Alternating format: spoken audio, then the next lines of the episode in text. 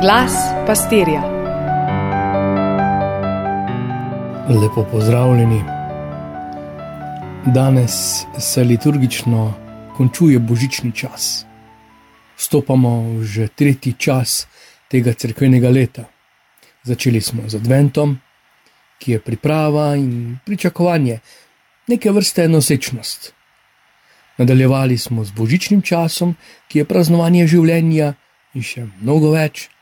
Človeštvo namreč ni zapuščeno in ne prepuščeno mogočnemu velikanu času, ki se nam krhkim smeje. Božič nas vodi v večnost. Čas je samo dolina ali struga do večnosti. In tu smo sedaj že na pragu časa med letom. To pa je izplutje. Struge niso več samo mrtva korita, ne neprehodne smrtne soteske, postanejo poti. Moje življenje postane pot, ja. Ampak struga se mora napolniti z vodo. Zato na začetku tega časa, ki je odet v zeleno, stoji izvir. Praznujemo nedeljo Jezusovega krsta, ki je izvir te vode, ki teče v večnost, to poznamo. Pomeni pa to, da izpljujem čakajo me brzice, čakajo me črni, prostranost plitvin in vsako vrstnih srečanj. Plujem z blagoslovom. Se, se spomnim še blagoslova prejšnje nedelje, Aronovega blagoslova. Glasi se: Gospod naj te blagoslovi in te varuje. Gospod naj da sijati svoje obličje nad tabo in naj ti bo milostljiv. Gospod naj dvigne svoje obličje na te in ti podeli mir. Ta blagoslov, to zagotovilo, ta popotnica je bila izrečena in obljubljena na poti iz suženstva v svobodo. Ne pozabimo, da je pot vodila skozi puščavo, tako rekoč za dobo celega človeškega življenja. Seveda so vmes delali načrte, kaj bo, ko pridajo v obljubljeno deželo kaj jih čaka, kako bodo gradili, sadili, vzgajali. Samo Jozue je dočakal. Pa seveda mnogi potomci tistih, ki so šli pred štirimi desetletji na pot.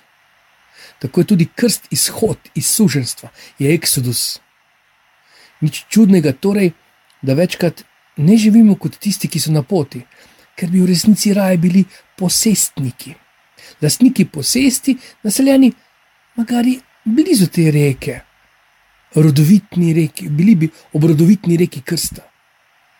Želeli bi si, da so naši vrtovi rodovitni izvode naše vere, naše pobožnosti, naše duhovnosti, naših navad.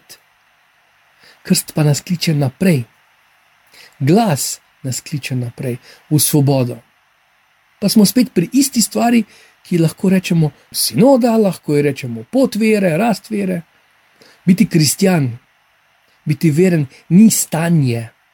Je vse kaj drugega, je dinamičnost, je odnos, je kipenje, je življenje, je veselje. Mi bi malo pomolili, pomeditirali, nekateri bi padli v trans, ali zamaknjene, ali nirvano, ali nadušenje. Že to, kar se dogaja na Janezovem krstu, je zanimivo pa to ni še nič, ker je vse, kar zmore človeška volja, dobra volja. Zaradi dobre volje ljudje, ljudje delamo tudi krivice, razprtije in ljubega miru, iz ljubega miru lažemo, iz pravičnega miru se vojskujemo, razdvajamo, razvajamo. Tudi tu je šele prak krsta, potem se zgodi. Po krstu je Jezus stopil iz vode in gled, odprla so se nebesa. Videl je Božjega duha, ki se je spuščal kakor golob in prihajal na den. In gled, glas iz nebes je rekel: Ta je moj ljubljen sin, nad katerim imam veselje. Jezus prihaja iz puščave. To ni bil duhovni odmik, niso bile duhovne vaje. Mi bi gotovo uporabili drugačno platformo, da se razodenemo svetu, kdo smo, kaj imamo povedati. On pride iz robate puščave. Samo spomnimo se skušnjav, kruti skušnjav, ki jih je doživljal. In on se postavi v vrsto. Stoji za enim tesarjem, pa pred eno deklo. Malo naprej je še en vojak, pa cesninar. Navdušeni in malo prestrašeni nad uh, besedo Janeza Krstnika, med njimi pa Jezus. Nekako ne gre skupaj. Zato tudi, lahko bi rekli, upravičena reakcija Janeza. Hotev ga je eh, odvrniti, pravi evangelist Matej. Jezus pa naprej. In se zgodi. Tudi to mogočno podobo sina je prej slutil samo ta prerok. Ostali so videli pač nekoga, mogoče bi malo skuštral, pa shujšan, po 40 dneh puščave. To je pa tudi to. To, da duhovi so videli, ta sine, ta sin, za njim je mogočni oče, ta levič, ki zgleda dokaj prijazen, predvsem pa ne nevaren. On zmore zarjoveti, ko on odpre usta za njega, iznad njega zagrmi glas, prav glas iz nebes. In struge se napolnijo svetim duhom, življenje se napolni svetim duhom. To je tvoj krst, dete, sin, hči, za teboj je oče. Ko on spregovori na teboj, se tresajo temelji zemlje. In razadeva se vsemu stvarstvu, da si njegov, ne lastnina, ampak njegov ljubljeni, njegova ljubljena. In ti si izvor veselja samega Boga, očeta. Pa kaj hočeš še več? Postaj se vrsto in naprej. Hrbet imaš pokrit, iz nebes se razadeva, da si božji, da si božja, da si zavit veselje Boga.